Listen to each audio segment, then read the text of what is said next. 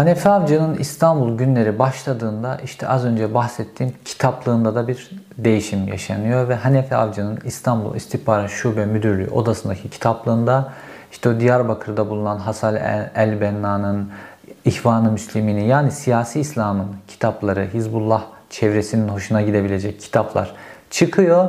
Bu sefer Said Nursi'nin kitapları geliyor. Yani Nur Hareketi'nin kurucusu Bediüzzaman Said Nursi denen kişinin Risale-i Nur kitapları bu sefer kitaplarından en önemlileri e, Hanefi Avcı'nın kitaplığında yerlerini alıyor.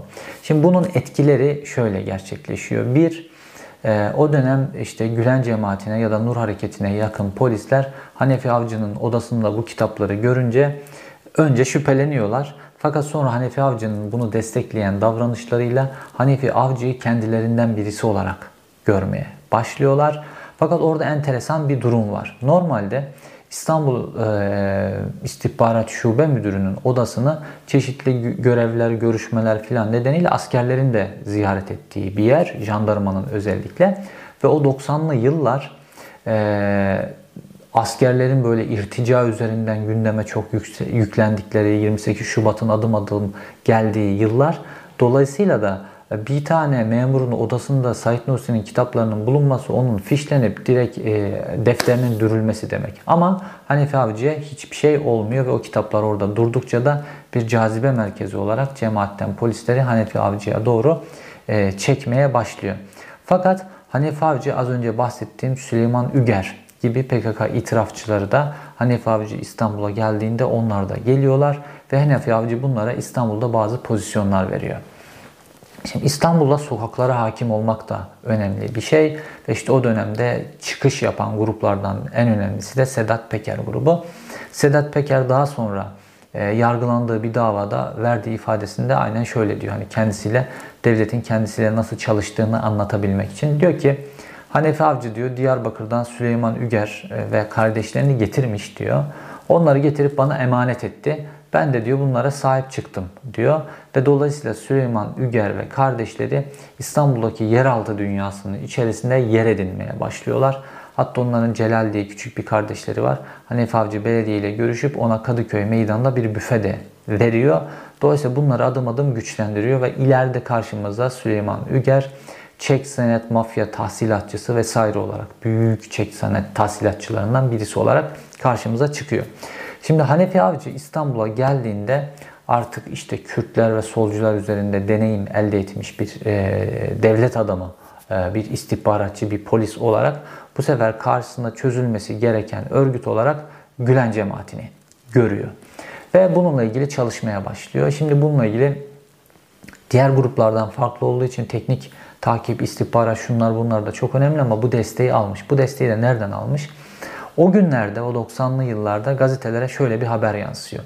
Deniyor ki, olağanüstü hal bölge valisi Hayri Kozakçıoğlu, Birleşmiş Milletler Yüksek Komiserliği'nin, Birleşmiş Milletler Mülteciler Yüksek Komiserliği'nin mülteciler için gönderdiği paradan 250 bin doları kendi hesabına geçirdi ve bu paranın akıbeti bilinmiyor diye Hayri Kozakçıoğlu yolsuzlukla suçlanıyor. Gazetelerde birkaç gün ve dönemin başbakanı Süleyman Demirel ortaya çıkıyor ve diyor ki bu para tamamen benim bilgim dahilinde kullanıldı.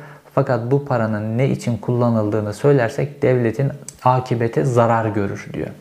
Şimdi düşünün Birleşmiş Milletler'in mülteciler için gönderdikleri bir paradan 250 bin dolar kayboluyor ve işte bu para İstanbul'da Hanefi Avcı'ya gönderiliyor ve Hanefi Avcı bu parayla İstanbul'daki teknik istihbarat dediğimiz istihbaratın temellerini oluşturuyor.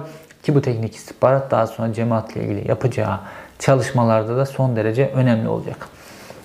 Şimdi Hanefi Avcı cemaatle ilgili çalışırken, çalışmaya başladığında hani diğer örgüt PKK ile ilgili çalışmaya başladığında devlet açısından çok yeni ama cemaatle ilgili çalışmaya başladığında devletin e, havuzunda oldukça bir bilgi var ve devletin de bir planı var. Şimdi devletin planı e, Gülen cemaati ile ilgili planı da daha önce farklı gruplar, sağdan soldan gruplarda uyguladığı bir dört aşamalı bir plan var.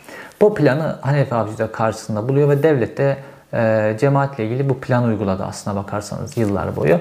Bunları bu plan dört aşamalı. Birinci aşama örgüte sızmak ve örgüten örgütten eleman devşirmek. İkinci aşama örgütü yöneten e, lideri ya da örgütü yöneten mekanizmayı etkileyebilecek kanallar oluşturmak. Üçüncü aşama örgüt belli bir e, büyüklüğe geldikten sonra örgütü bölmenin altyapısını oluşturma ve dördüncü aşamada örgütün lideri doğal ya da başka bir biçimde ortadan kaldırılırsa alternatif lider oluşturma. Devletin bütün sağdan soldan örgütlerle ilgili kullandığı plan bu ve son derece de işlemiş, tecrübe edilmiş bir plan ee, olarak Hanefi Avcı'nın da karşısına çıkıyor ve Hanefi Avcı da İstanbul'da genç bir polis müdürü olarak artık daha doğrusu orta tecrübeli bir polis müdürü olarak bu planı uygulama aşamasına geçiyor. Ve işte o risaleler odasına koyduğu Said Nursi'nin kitapları işte örgütten elemanları kendi etrafına çekme, cemaatten elemanları kendi etrafına çekme için son derece önemli bir hamle oluyor. Ve daha sonra Hanefi Avcı cemaatten diye düşündüğü polisleri ya da bunun bilgisi aldığı polisleri İstanbul Emniyetinde önemli pozisyonlara getiriyor. Bu önemli pozisyonlara getirip onların önü açılınca Hanefi Avcı cemaatten bir abi gibi neredeyse görülüyor. Ve işte cemaatten polisler bir müşkülleri, dertleri falan olduğunda Hanefi Avcı'ya gidiyorlar. Onunla konuşuyorlar.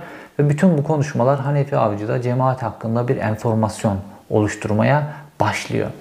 Ve sonrasında dönem ilerledikçe Hanefi Avcı yavaş yavaş İstanbul'a doğru, İstanbul'dan Ankara'ya doğru gitmeye başladıkça geniş bir kitle oluşturuyor etrafında cemaate yakın polislerden oluşan. Tabi sadece polislerle yetinmiyor. Cemaatin sivil e, yapılanması, cemaatin işte normal tabanı, esnaf vesaire bunlardan e, kişilerle tanışmak için de hamleler yapıyor. Ve işte o dönem devlet cemaatin en önemli iş adamlarından, önde gelen iş adamlarından bir tanesi olan Servet Pazarbaşı'yla tanışıyor. Ve Servet Pazarbaşı'nı tıpkı o Diyarbakır'dan getirdiği Süleyman'ı Süleyman gibi Servet Pazarbaşı'na tamamen elemanlaştırıyor ve daha sonra cemaatle ilgili meselelerde kullanacağı ulak haline getiriyor. Ve işte e, o ikinci maddede olan cemaati yöneten kişi ya da kişileri, örgütü yöneten kişi ve kişileri devlete göre onları yönlendirebilecek kanallar meselesinde Servet Pazarbaşı'yı Hanefi Avcı esas kişi olarak belirliyor ve sonra onun üzerinden çeşitli bilgi notları, çeşitli raporlar vesaire gönderiyor ve bunların pek çoğu da doğru. Mesela diyor ki işte şu konuda cemaat dikkatli olsun. Şurada şöyle bir şey var. Servet Pazarbaşı gönderiyor. Hakikaten doğru çıkıyor filan. Dolayısıyla Servet Pazarbaşı da bu getirdiği bilgiler nedeniyle cemaat içerisinde önemli bir pozisyona doğru gidiyor ve daha sonra onun üzerinden farklı bilgilerle cemaat yönlendirilmeye çalışılıyor Hanefi Avcı tarafından.